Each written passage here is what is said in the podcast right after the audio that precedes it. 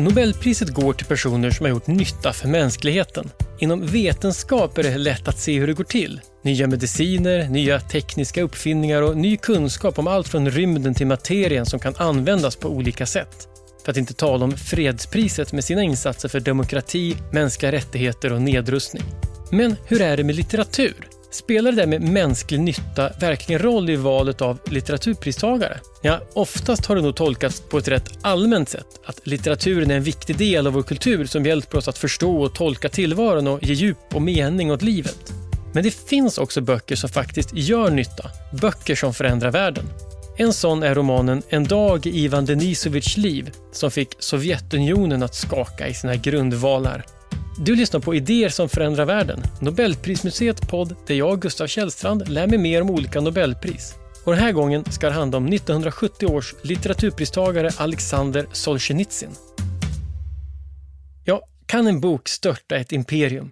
Med mig för att prata om det har jag Maria Tallgre, författare och journalist. Välkommen! Tack! Ja, En dag i Ivan Denisovitjs liv. Vad har, vad har du för förhållande till den här boken? Jag har ett väldigt personligt förhållande till den därför att eh, jag har ju må många släktingar som har suttit i fångläger men också har suttit i så kallad förvisning, vilket är en viss skillnad. För att i fångläger så är man en fånge som är bakom lås och bom och man blir inräknad av fångvaktare eller också så blir man förvisad. Så man blir satt på en plats långt bort i Sibirien och så måste man leva där och får inte komma hem förrän myndigheterna säger till.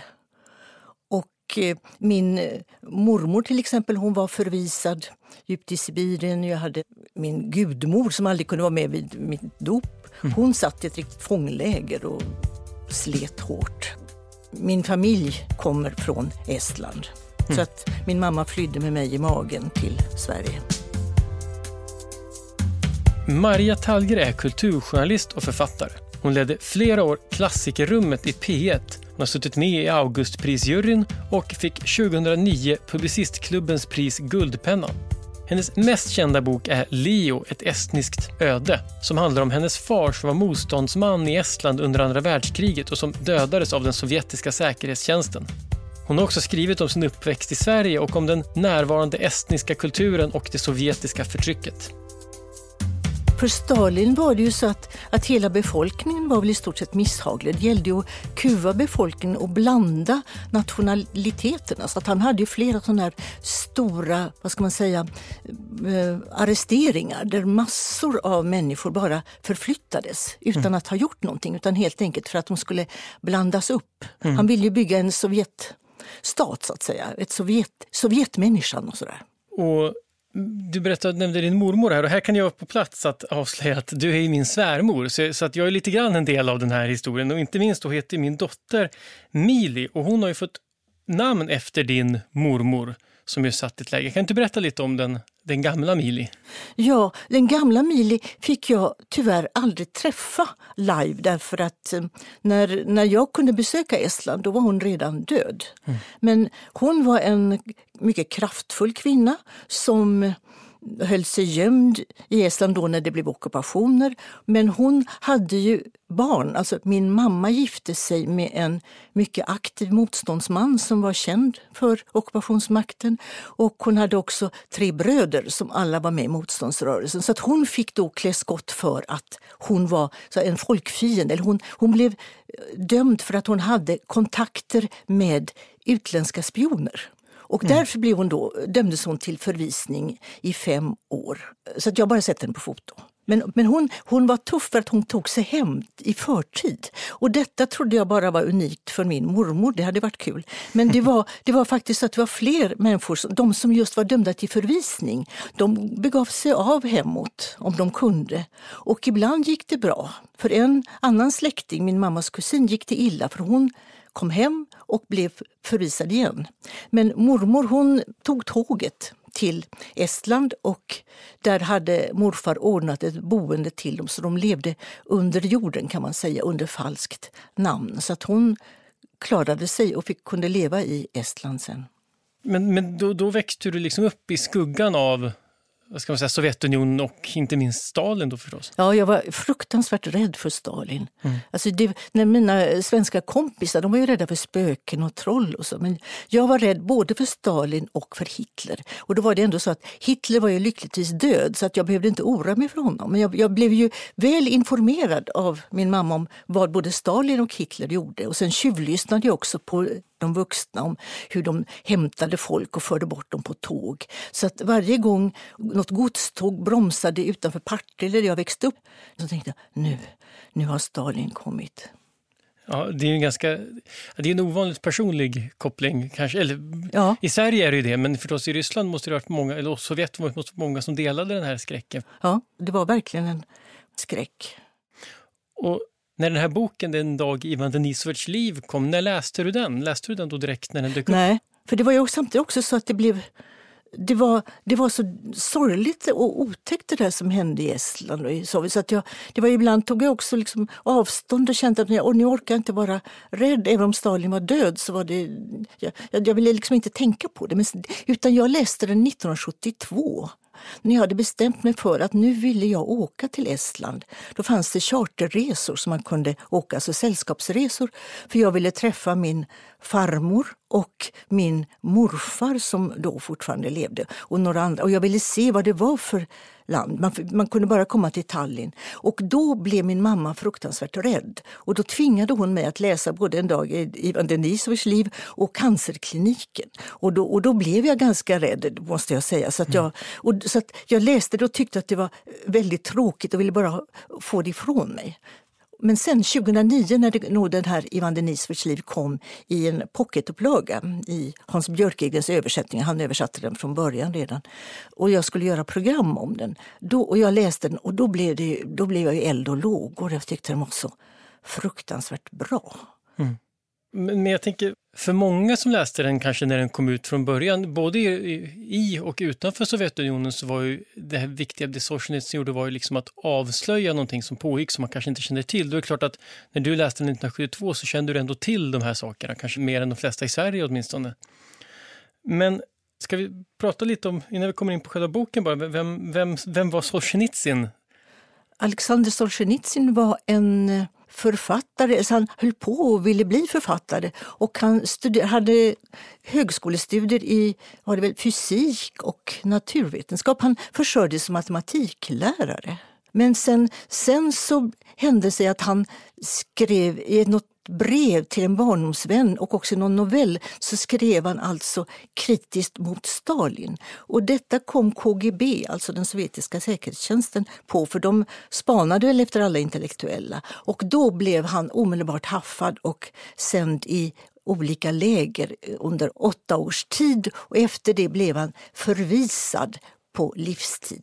Vilket betydde att det kunde upphävas men man visste inte det. om det kunde bli det. Jo, det, här var, och det var under kriget som han, som han blev gripen. Han var med i armén, eller hur? Så vi vet ungefär ja. vad vi är i tiden. Så, så efter kriget så ja, just det. Han var artillerikapten. Det finns väl en sån artilleri, artillerikapten också i, i den här Ivan Denisovits liv, i det här lägret, mm. som är mycket sympatiskt skildrad.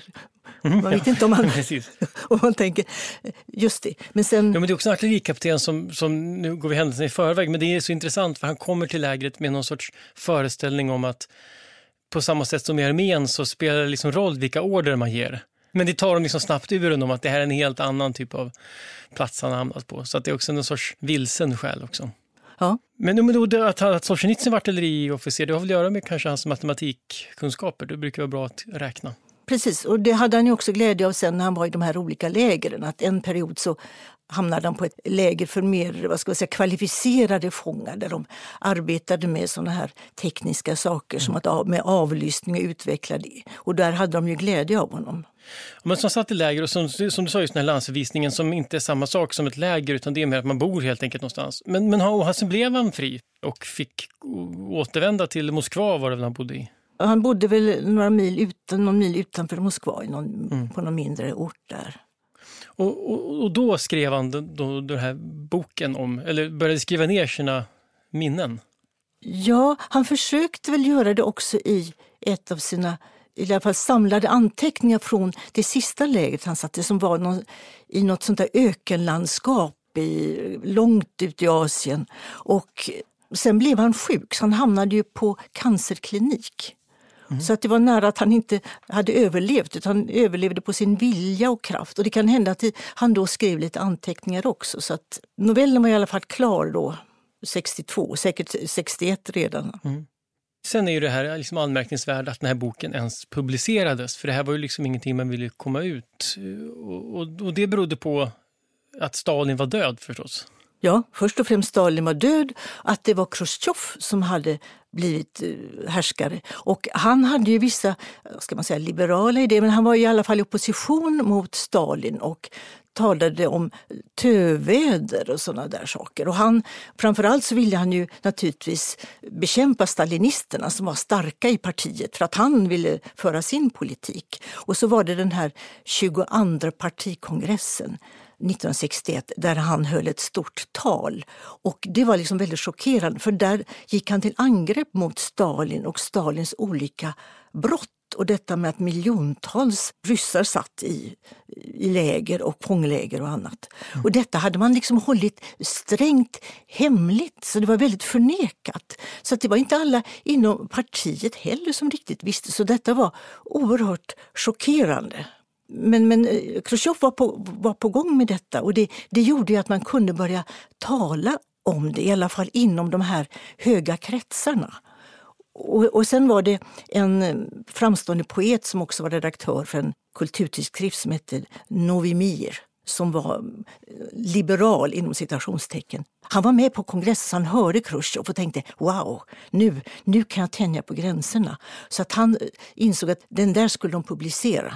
Sen var det ju inte så enkelt att han bara kunde ta den och publicera den utan det gällde att få med sig Khrushchev. En man vid namn Lebedev som var Khrushchevs nära medarbetare och litterärt intresserad. Den här redaktören vände sig till honom och han i sin tur, han läste den och blev så förtjust, och detta har han berättat sen för Hans Björkegren som har översatt här, att han tog novellen, eller kortromanen, och åkte iväg till Khrushchev vid hans dacha alltså sommarhus vid Svarta havet. Och där satte han sig och läste den högt för Khrushchev som ju inte var så litterärt intresserad.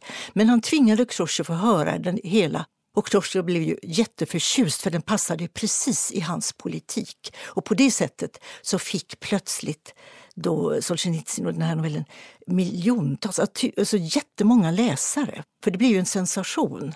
Ja, men det är anmärkningsvärt det där att det var så uppenbart sprängstoff att till och med som högste ledaren själv var tvungen att godkänna det och han, att han gjorde ja. det. Och inte bara han, vet du. han var tvungen att samla sitt presidium mm. och bearbeta dem för att de skulle vara med på noterna. Och då först. Han lät publicera boken men det var inte så att lä lägersystemet det fanns ju kvar även ja. under Khrushchev. Oh ja. Och om jag förstår saker rätt så fanns det kvar i, alltså fortfarande ända fram till Gorbatjov. Alltså det här var liksom ingenting, även om det hade sin höjdpunkt tidigare så fanns det kvar länge och, och höll spår långt tillbaka i historien också förstås, både läger och inte minst förvisningar. Ja, och det finns väl kvar fortfarande fast vi vet inte hur mycket. Men... Ja, nej, det finns väl en tradition av att skicka bort folk. Ja, i synnerhet då så fungerade liksom det här med Sibirien som ett naturligt fängelse eftersom det är så fruktansvärt stort och långt bort från allting. Att placerar man någon där så är det ganska svårt att ta sig därifrån. Och så är det så kallt så att man kan liksom inte bara gå hem. Nej, det är stort och kallt. Det är, liksom det, det är dubbel, dubbeldåligt. Det nämns ju också i boken att det här med att, att, det är ingen som försöker fly, för var ska man fly från ett sånt här läger? Det finns Exakt. ingenstans. Och sen det som kom fram väl också var ju det här då som var så skakande att det var Stalin som var brottslig men idén med de här lägren, den som hade startat det var redan Lenin. Ja, och det ville man kanske inte Det ville man ju inte. Se. Nej. Nej, Stalin var lättare att ha som skurk, efter Khrushchev i alla fall. Men Solzhenitsyn fick publicera och boken blev som, som vi var inne på en succé och han liksom kom in i i värmen ett tag i ja, alla fall. Han blev geniförklarad och han blev liksom hyllad även av sådana här riktigt konservativa eller mer eh, stalinistiska eller vad man nu ska säga, sådana här kritiker. Och den boken den eh, trycktes om och om igen både som bok och sen i den här tidskriften. Det blev stor rusning Mm. efter den. Och den, den skakade verkligen om hela samhället. Och det, jag, vet, jag hade ju med Jelena Jangfelt, sångerska som är, kommer från Sovjet. Och hon berättade att det betydde att de här fakta som fanns, att det var helt omskakande för folk när man läste och man fick svart på vitt att det som många misstänkte, det var sant och det var till och med värre än man kunde föreställa sig. Så vi kan nog inte föreställa oss Alltså hur ett sånt kort litterär produkt kan förvandla ett samhälle och egentligen bli någon sorts början på eh, det systemets upplösning. Ja, för även om det inte fick Sovjet att falla över en natt, det var ju, kom ju 60-talet och det var ju 30 ja. år kvar, men, men så underminerade det väl en hel del av, av både internt och utifrån hur, hur liksom man såg på det här landet. Att det, det, var knappast någon socialistisk utopi utan det var liksom ett totalitärt förtryckande samhälle. Ja, då fick man väl också en känd dissident, nämligen Solzhenitsyn. Han hade skrivit om det här och han blev håsad och berömd några år men sen störtades Khrushchev och de här konservativa stalinisterna kom till makten igen. Men han var ju kvar som kritiker och även om han fick publiceringsförbud så höll han ju på och skrev och han kunde ju då skicka, smuggla ut sina verk. De, han publicerades utomlands, vilket naturligtvis var väldigt hotfullt också för eh, Sovjetunionens härskare. När Solzhenitsyn fick Nobelpriset i litteratur 1970 så levde han i en svår situation. KGB hade honom under övervakning och han var i det närmaste isolerad. Genom kontakt med en norsk journalist kunde Solzhenitsyn få ut ett meddelande om att han var glad för priset och att han mådde bra. Det var viktigt att säga så att myndigheterna inte skulle säga att han på grund av hälsoskäl avstod från att ta emot priset. Men till sist valde han att inte resa till Stockholm av rädsla för att om han gjorde det så skulle han inte få komma tillbaka in i landet igen. Jag skrev de här, det här liksom parallellverket till det här idag är ju Gulag-arkipelagen som är liksom ett, ett, dokumentärt verk snarare än en roman. I, är det sju, sex eller sju band? Den är rätt lång. Eh, ja som, som också är, som är faktabaserad. Det är ju en dag också, men den är, bygger på liksom forskning och det finns hårda siffror och kalla fakta. Den gick inte att avfärda som roman. Utan Nej, de här siffrorna. Exakt, och han intervjuade ju, på något sätt lyckades alltså intervjua mm. många som hade suttit i läger som kunde bekräfta det. Så det var ju verkligen ett dokument. Ja. Men det fick han inte lika lätt publicera för då hade det tövädret upphört. Då var det bottenfruset igen efter att Brezhnev tog över. Ja, men det, det fick då smugglas ut på mm. olika mm. sinnrika sätt. När Solzhenitsyn inte kom till Stockholm fanns en tanke på att man skulle kunna överlämna priset på den svenska ambassaden Problemet var att svenska utrikesdepartementet var oroliga över att de svensk-sovjetiska relationerna kunde skadas av det här. Och statsminister Olof Palme menade i ett brev till Solzhenitsyns svenska förläggare att man bara kunde ha en ceremoni om det var tydligt att Svenska Akademin var fristående från svenska staten. Solzhenitsyns krav på en publik tillställning där han kunde läsa sin Nobelföreläsning var inte aktuellt. Det här gjorde Solzhenitsyn upprörd Nobelpriset är väl inget tjuvgods som måste överlämnas utan vittnen i ett låst rum, sa han enligt sina memoarer. Solzhenitsyn var väl medveten om vilken plattform priset gav honom och han ville att hans Nobelföreläsning skulle publiceras. Och därför tog han hjälp av den svenska journalisten Stig Fredriksson för att smuggla föreläsningen till Sverige. Den var sedan ett upprop för konstens betydelse i kampen mot förtrycket. Solzhenitsyn skrev den enkla, modiga människans enkla åtgärd är att inte delta i lögnen, att inte stödja falska handlingar. Må detta nå ut i världen och rent av råda i världen. I denna kamp mot lögnen har konsten alltid segrat och kommer alltid att segra. Uppenbart, ovedersägligt för alla. Mycket i världen kan lögnen motstå, bara inte konsten. Och så småningom eh, lämnade ju också Solzhenitsyn Sovjetunionen 1974 Ja, men, och det gjorde, alltså han ville ju inte utan då tvingades han och då, var det, då fanns det inget annat att göra. Och då kom han väl också till Stockholm just 74 ja. när han redan var förvisad. Visst, och det är ju ett av de, på det sättet ett av de spe, speciella liksom, litteraturprisåren på prisutdelningen i Konserthuset. För då, det var samma år som Eivind Johnson och Harry Martinson fick priset. Så på scenen det året hade man alltså Eivind Johnson, Harry Martinson och Solzhenitsyn som fick ta emot. Det är en ganska unik samling. Ja, verkligen. Och, och Solzhenitsyn i polotröja under fracken, för han ville, inte ha, han ville liksom inte ha frackskjorta och det. Men de, lyckades övertyga honom att ta åtminstone en vit polotröja och det gick han med på. Och jag tror att det är från det året som det finns ett foto som Stig Fredriksson har tagit. Det enda foto där eh, Solzhenitsyn ler så att han till och med visar tänderna.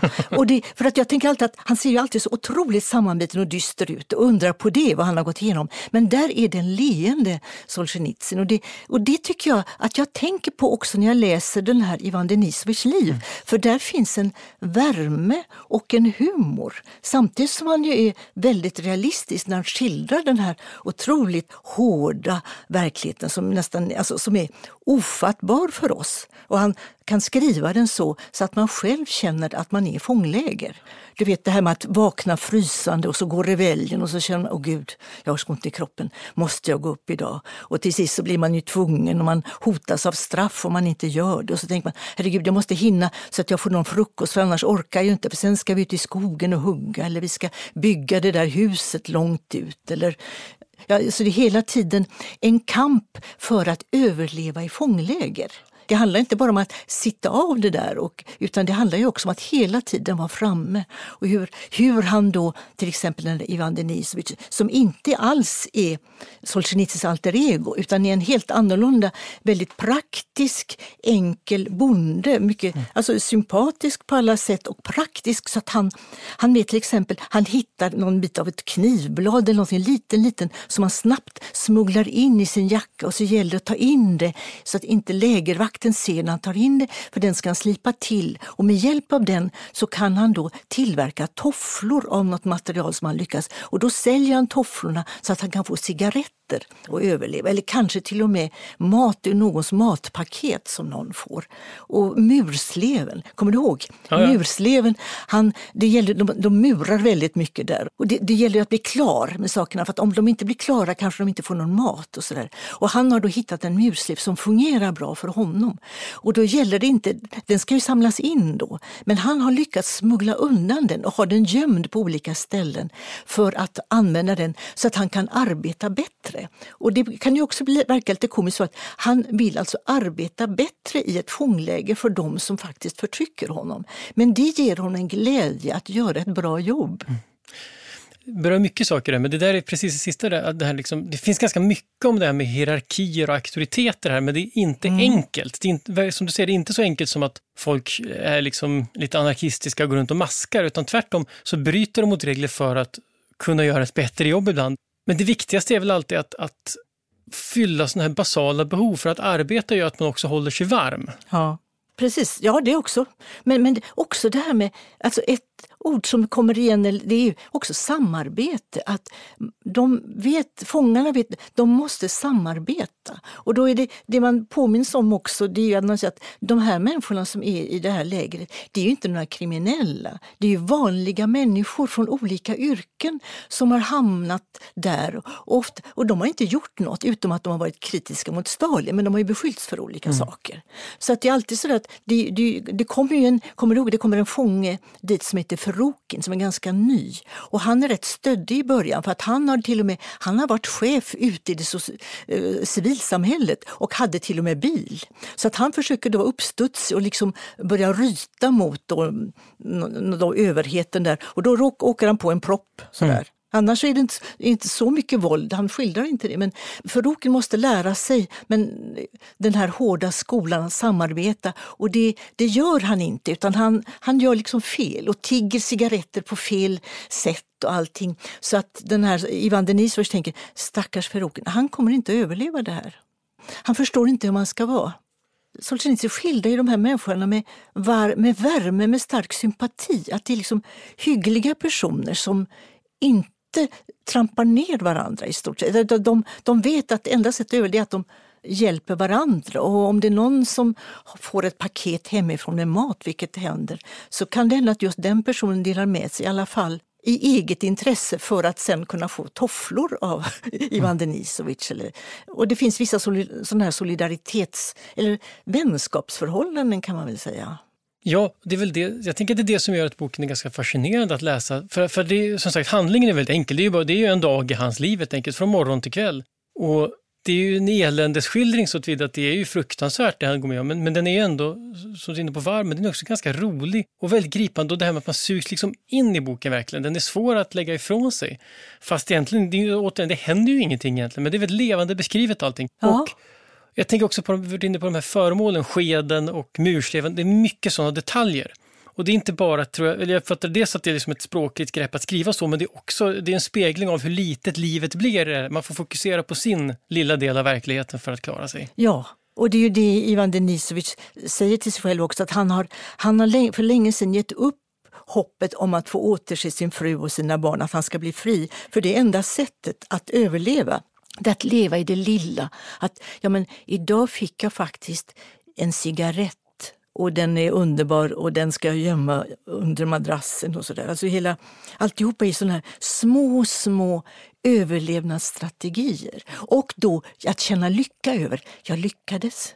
Jag tänker att slutet på det sättet är rätt det är svårt att bestämma sig för om det hur sorgligt det är och hur lyckligt det är. Det är, det är ett fruktansvärt slut, men den skulle kunna sluta för den har hoppfulla stämningen och han kunde ju avslutat genom att säga att åh gud vad det här är jobbigt.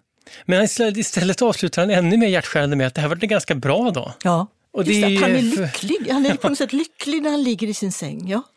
Och, och, och, det slutar också då med förstås att det här är liksom att, att nu var det en dag till och det var en ganska bra dag. Nu är det, är det då, alltså totalt ska hans fångenskap bestå av vad är det, 3650 sådana här dagar. Mm. Så man förstår också den här monotonin i det här. Men genom att ta en dag i taget, och det är också så genialt med själva boken, att det är just en dag av alla de här 3000 och ingen dag kommer vara den andra särskilt olik. Det kommer vara ungefär så här. Ja. Kanske lite mindre fiskhuvuden i soppan, för soppan var extra god den här dagen. Ja, precis. precis.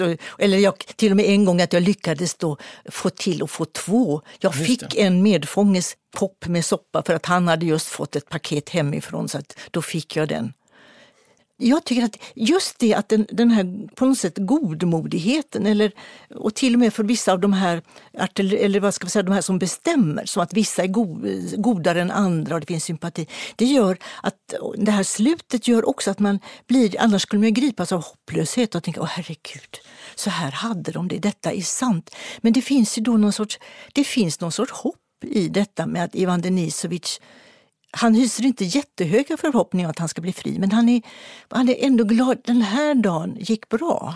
Jag tycker det är svårt att, att tänka att det är liksom hoppfullt, för jag tycker också det finns någonting, det handlar liksom om att stå ut, men, men det kan ju vara hoppfullt det också.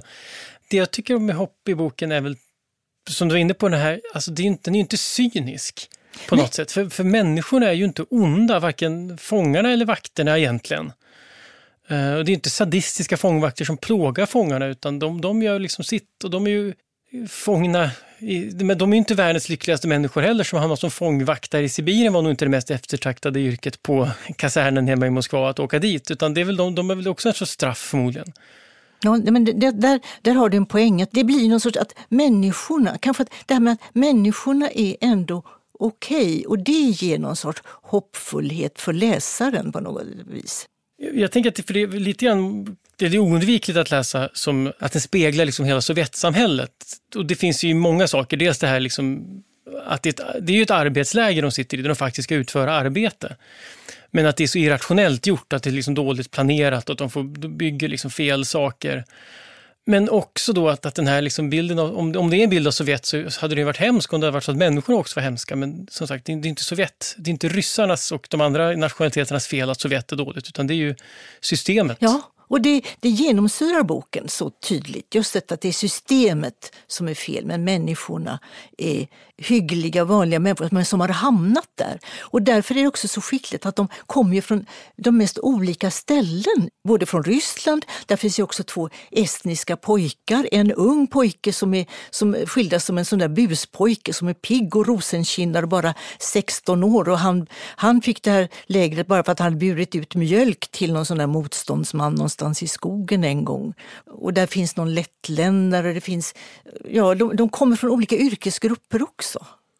Så det blir ju liksom ett, ett mini-Sovjet på något sätt. Där finns det också det här, jag har läst den ett par gånger, en sak som jag tänkte kanske mer på den här gången, det första, det var liksom en, en sak, det här med just det här lilla livet, och, och, men att det ändå finns ett par tillfällen när någon faktiskt pratar om någonting annat än mat eller vredskap. Och det är dels när han är inne i vaktstugan där det är varmt. Där Mm. sitter det några och läser tidningen och pratar om, om det är nyheter eller något liknande. Och senare så är det några som får, har fått lite extra stora såna här paket hemifrån. De pratar om teater. Den där typen av intressen, det kan ju vara så att den här Ivan Denisovich inte är intresserad av det, men, men det finns inget utrymme för det oavsett när det inte... Man bryr sig bara om det som är här och nu. Så länge det är liksom den här Maslows behovstrappa. Man måste först ha mat och sen... Ja. Och inte frysa. Nej, precis. Men det är inte- heller liksom först käket och sen moralen, för moralen finns ju där ändå, fast käket är skralt. Precis, moralen finns där och också på något sätt kulturen eller intresset för andra frågor. Det är bara att det är eh, liksom på svältgränsen och nedfryst på något sätt. Men det kommer upp så fort basbehoven är, är tillfredsställda. För det tycker jag är en sorglig sak. Du var var inne på det här med att, eh, att man ger upp hoppet om att komma hem. Han får ju också brev hemifrån. Ja, Och att till sist orkar han bara inte läsa dem. nej. Jag tror att han till och med säger till sin fru att skriv inte till mig för det, blir bara, det gör bara saken värre. Och skicka absolut inte några paket för skicka det till barn, ta hand om barnen. Det, de behöver det bättre. Det är hjärtskärande, det är hemskt. Jag tycker också att ju fler gånger jag läser den, desto mer förtjust blir jag i den. Och ju mer jag pratar om det som vi gör nu, desto mer inser jag just den här otroliga eh, genialiteten med den här romanen.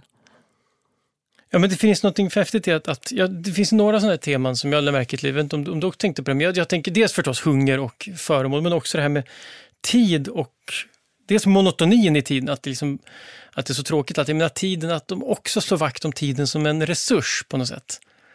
Ja, och när de tvingas köa då för att en, en fånge räknas, för de blir ju inräknade. Först räknas de innan de får gå ut på jobb och sen räkna, ska de räknas då när de kommer in. Och som om det är någon som fattas. Och då blir de helt mm, desperata, alltså de uppför sig ju väl men just att, och vem är det som fattas? Ja, det är den där lille Moldavien, ja, det kunde man ju tro.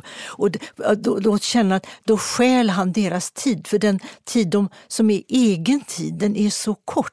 Och den är där just när de kommer hem från ett dagsverke och så gäller det att köa på rätt sätt så man får mat och inte den eh, vattnigaste delen av soppan. Och sen har man en liten stund där man då kan tillverka tofflor eller röka eller eh, vila. Ja, och det sammanförs väl också i det här med att man äter långsamt, för att då är man liksom, det är en egen tid och så får man Ja. njuta av Precis. Och det, det är också så märkligt att tänka sig att de, de får ju någonting väldigt äckligt som vi inte skulle vilja ha. Men det, är, det blir dyrbart och det är en sorts njutningsstund. Och det är också det tycker jag är så snyggt att det där är inte heller skildrat liksom sentimentalt. Han skriver inte om att soppan var den godaste någon han någonstans var, utan han sk- beskriver verkligen att soppan är likadan dag efter dag. Och att inte ens de tycker egentligen heller att den är god. Men då får man i alla fall någonting i sig och man får sitta själv och man får äta. Och även, där, och även till temat, förutom det med tiden och hungern, så kommer också redskapet in, för man använder ju också bröd. Så man får spara bröd från en måltid till nästa för att kunna liksom samla upp soppan i botten, för det räcker inte skeden till. Nej, precis. Men det, det är väl också det att det här Jelena Jangfeldt då, som var med i mitt program, hon sa just att det här var också första gången som alltså ett så vardagligt språk. Alltså att mm.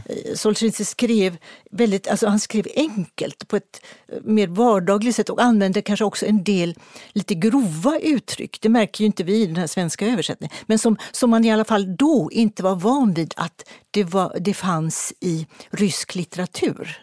Så att det var väl på det sättet språkligt nydanande, alltså det här, vad ska vi säga, mer grå eller enkla, konkreta. Men det är Solzhenitsyns sätt att skriva som gör att den går rakt in. Det är väldigt svårt att värja sig mot den här skildringen. Jag tänker, jaha, nu kommer den här lägerskildringen och det blir, det blir dystert och svårt. Men så är jag redan vid första raden så är jag där och jag känner, jag är i hans kläder. Mm. Och sen håller inte författaren på heller och krånglar med någonting. O store Gud, du som betraktar oss si och så. Utan han, Ja, han det är inte Pasternak. Nej, det är inte utan det är väldigt sakligt och noggrant och konkret så att jag ser allt framför mig och jag kan till och med känna då när min högra fot förfryser och så. Ja, men jag håller med och det där är verkligen stående att det känns som att även om man har glömt detaljer ibland så, så, så den där dagen i lägret glömmer man inte, den där kylan. Men ändå på något sätt förtröstan, fast också hopplöshet. Det är väldigt mycket på en gång, men det är en upplevelse. Att, att både läsaren, eh, eh att läsaren är en upplevelse, det är inte bara en, Man läser, jag tycker inte att man läser den som ett vittnesmål, eh, även om det naturligtvis är det, men man läser den nästan mer som en, ja, det är verkligen en stor läsupplevelse. Ja, alltså man kan säga att man läser den av lust. Man kan, mm. man kan inte säga att man läser den av underhållning, men man läser den därför att ja, det är en upplevelse, precis som du säger. Det är en läsupplevelse som man inte vill vara utan. Ja, precis. En sak som slog mig är att den här avslutningen, han skriver då att det här är hans dag och en ganska lycklig dag, sen så avslutar han med att räkna upp hur många dagar det är som är kvar. Lite grann kan man tänka att, att ja men som sagt, det kanske inte var så farligt det här, men om man skulle läsa boken 3000 gånger i rad så skulle man få känslan av liksom hur, hur länge det faktiskt är man sitter i det här lägret.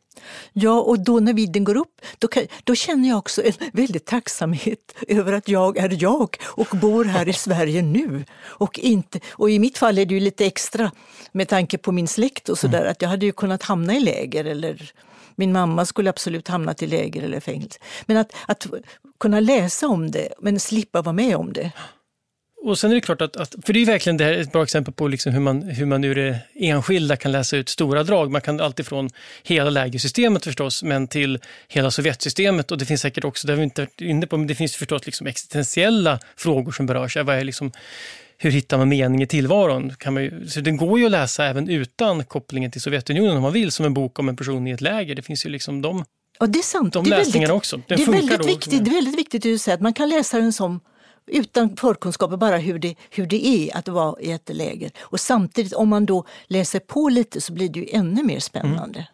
Ja, för det kan nästan vara liksom ett, en, en, allegori är rätt ord, men det kan vara liksom en, en skildring av fångläger som en, som en metafor för livet i det industriella samhället eller något. Ja. Och att gå in i historien, att lägga det rastret på, gör den inte heller, vi verkligen och hyllar den, men det gör inte boken heller eh, mästrande eller liksom didaktisk, utan den är fortfarande en läsupplevelse. Ja. När jag försöker tänka på om man skulle säga något sådär kritiskt granskande så att jag låter intelligent. Men det, ju mer vi pratar desto mer förtjust blir jag i den boken. Jag gillar det. Alltså, den är så allvarlig och så varm och så bra skriven. Så, mm. Och så är den kort. det är också ut här, alltså 200 sidor. Så att... Ja, en vecka i hans liv hade varit tunga. Nej, men, och det, nej, det, det, finns, det är väl uppenbarligen att det är liksom ett, ett mästerverk. Det finns ju andra böcker av honom som är bra också, men de är betydligt längre och mer, mer krävande. Och det är ju märkligt att en bok som handlar om ett, ett fångläger alltså inte beskrivs som liksom inte krävande, men det är den ju faktiskt inte. Och, men det gör den inte lättviktig på något sätt. Den är ju, den är ju liksom som en, den är ju tung. Och en stor roman och den är tung, men den är inte... Ja, det behöver inte vara en plåga att läsa den också, för det är nog plåga att vara i läget. Ja. Stackarn. Ja, men det, och det kan vi också säga, för just har sagt att det fångar ändå, det fångar på många ledder, men samtidigt så är det en skildring av ett läger. Du vinner på det, nu pratade om i släkten, kommer jag tänka på det. Just att det här var ju ett läger, inte minst är det bara män i det här lägret. Det fanns ja. ju också dels kvinnoläger, men det fanns också blandläger. Ja, och min gudmor då, hon, som, hon satt verkligen i sånt där läger. Hon berättade för mig att hon satt i ett blandläger och det var eh, fasansfullt för där fanns det också nollor med kriminella. Som, det var en annan sort personer för de satt och spelade om de unga kvinnorna. Och tänkt, alltså de, så de hade liksom hela tiden ville förgripa sig på de här unga kvinnorna. Och det, det förekom säkert mycket sånt. Så att, ja, kvinnliga lägerfångar var ju dubbelt utsatta. Ja, för där har man väl en, en, en sån kritik man kan rikta mot romanen ändå, mot Solzjenitsyn, att det finns, liksom, det finns en nivå av förtryck, men, men hade man sänkt in, hade det varit kvinnor i det här läget också så hade deras, den där homogena liksom, gemenskapen som fanns i hans läger, fanns nog inte i alla läger, inte för kvinnor i alla fall. Ja, det var väl enklare att skriva bara om män. Den 3 augusti 2008 dog Solzjenitsyn av hjärtsvikt, 89 år gammal. När han begravdes var det inte som den nationens fiende och icke-författare som Stalin och regimen hade utmålat honom som, utan som en nationell hjälte. Tusentals tog farväl av honom där han låg i sin öppna kista på Vetenskapsakademin i Moskva och hundratals följde honom till den sista vilan vid Donskoj-klostret. Du har ju varit med i den här podden tidigare och då pratade vi om pesten. Det var också ett tungt tema, förtryck och pandemier. Är det så att du gillar böcker med dystra teman? Ja, jag har tänkt på det också, för jag har tänkt på, jag har ju varit med i flera bokcirklar och då gräver jag ofta fram just väldigt allvarliga böcker. Jag tror att jag är väldigt förtjust, ju äldre jag blir också, i såna här böcker som är handlar om tunga ämnen men som gör det på ett sätt så att man blir lättare om hjärtat. Alltså så man, blir, du vet, man blir på något sätt klokare, man får nya tankar, man vidgar sig som person. Det, det, det tycker jag att en bok ska göra. Jag menar, det är klart att man kan läsa Woodhouse eller något sånt där bara för att skratta och det, det, det kan jag också tänka mig att göra. Men om jag nu har, liksom, tiden är ju dyrbar, precis som Solzhenitsyn och Ivan Denisovich säger, så vill jag läsa något som är väsentligt. Mm. Och kanske att det just är författare som vill någonting. För att när det är något allvarligt ämne så är det ofta att författaren verkligen vill någonting och då skärper han eller hon sig så mycket så att det blir, det blir väldigt bra. Det, det är väldigt läsvärt. Mm. Ja, och jag vet att när vi pratar om pesten så kan jag ju rekommendera, om man inte har lyssnat på det, att gör gärna det. För det finns ju samma sak där. Det är också ett tungt tema, men också att du är väldigt bra på att lyfta fram de här, det är ändå hoppfulla aspekterna i det. Och det, är väl både, det finns både de, båda de här böckerna någonting det gemensamma kanske är att båda två, den här mellanmänskliga gemenskapen ändå är viktig i båda böckerna. Vilket gör att det, det finns, ja, som sagt, osyniskt. Det är väl rätt, rätt fint på något sätt ändå. Ja, och sen blir det att de stimulerar mitt tänkande som läsare. Inte så att oh, nu lär jag mig det och det, men det, det är sådana här tankar och beskrivningar som gör att jag, jag, jag blir intelligentare av att läsa dem. Där har vi det. Böcker som får mig att känna mig mer intelligent, de är jag väldigt förtjust i. Och det handlar ofta om tunga eller svåra ämnen. Fast bra, intelligent skrivet. Ja, men det kanske hjärnan, hjärnan får jobba lite extra om det är någonting tyngre än tre män i en båt eller så. Ja. Men om man tänker på som sagt, pesten och en dag i Nils liv, finns, finns det någon, av alla nobelpristagare som finns, finns det någon sån här bok som du tycker av, någon i, i samma klass där, eller i samma tema som du tycker, någon annan stor bok som man blir intelligentare av att läsa som du kan rekommendera? Alltså jag är väldigt förtjust i en författare som inte har fått Nobelpriset den franske författaren Stendhal som var en dyster man också. Och han, var ju, han jobbade inom diplomatin och, och var, var väl allmänt sorgsen och var väldigt... Han låg före sin tid i sitt författarskap och han genomskådade mycket i samhället och hela det här med... Han hatade ju prästerskapet i Frankrike och även då de här politiska makthavarna också. Han genomskådar allt. Och det, jag tycker den boken Rött och svart särskilt mm. tycker jag är en upplevelse. Och han fick ju inte Nobelpriset, men det var ju för att han levde på 1800-talet. Så det, ja, är, så det, det, det, är ju säkert val. Han, han, var inte, han var, han var, en han dyst, inte han var dyster, men han var inte dyster för att han inte fick Nobelpriset. Nej, precis. Nej, han var väl dyster för att det var så vackert i Rom. Är inte det Stendhal-syndromet, att han blev ja, deprimerad? Jag tror, jag tror, att han var tvungen att jobba i, så att han var, kände sig förvisad. Jag tror att den hette Civitavecchia, eller någonting, en stad som låg liksom längre bort. Att, men sen, sen blev han deprimerad också av skönhet, det är ja. sant. Det, du har alldeles rätt. Apropå att vara en dysterkvist. Ja, och så gick det inte bra med kvinnor heller. Det var Nej. mycket där. Men skrev, han skrev som en gud, men ingen, han fick inte den uppskattning han förtjänade. Nej.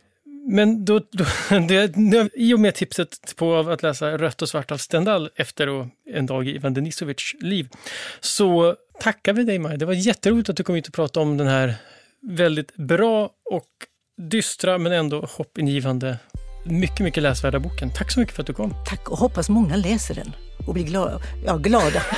ja, ja. antingen glada för att den är så bra eller för att de inte sitter i läger. Ja, ja. det finns många anledningar. Bra. Mm. Idéer som förändrar världen är slut för den här gången. Den här podden görs av Nobelprismuseet vi finns på Stortorget i Gamla stan. Information om museets utställningar och öppettider finns på museets hemsida nobelprismuseum.se. Du kan förstås också följa oss på Facebook och Instagram. Och vill du veta mer om Nobelpristagarna och deras arbete så gå gärna till Nobelprisets hemsida nobelprice.org. Och ett stort tack till Nibe Group, EF Education First, Knut och Alice Wallenbergs stiftelse och familjen Erling Perssons stiftelse som möjliggör Nobelprismuseets verksamhet. Idéer som förändrar världen görs i samarbete med produktionsbolaget Filt. Producent är Andreas Wiklund och jag heter Gustav Källstrand. Vi är snart tillbaka med nya intressanta samtal.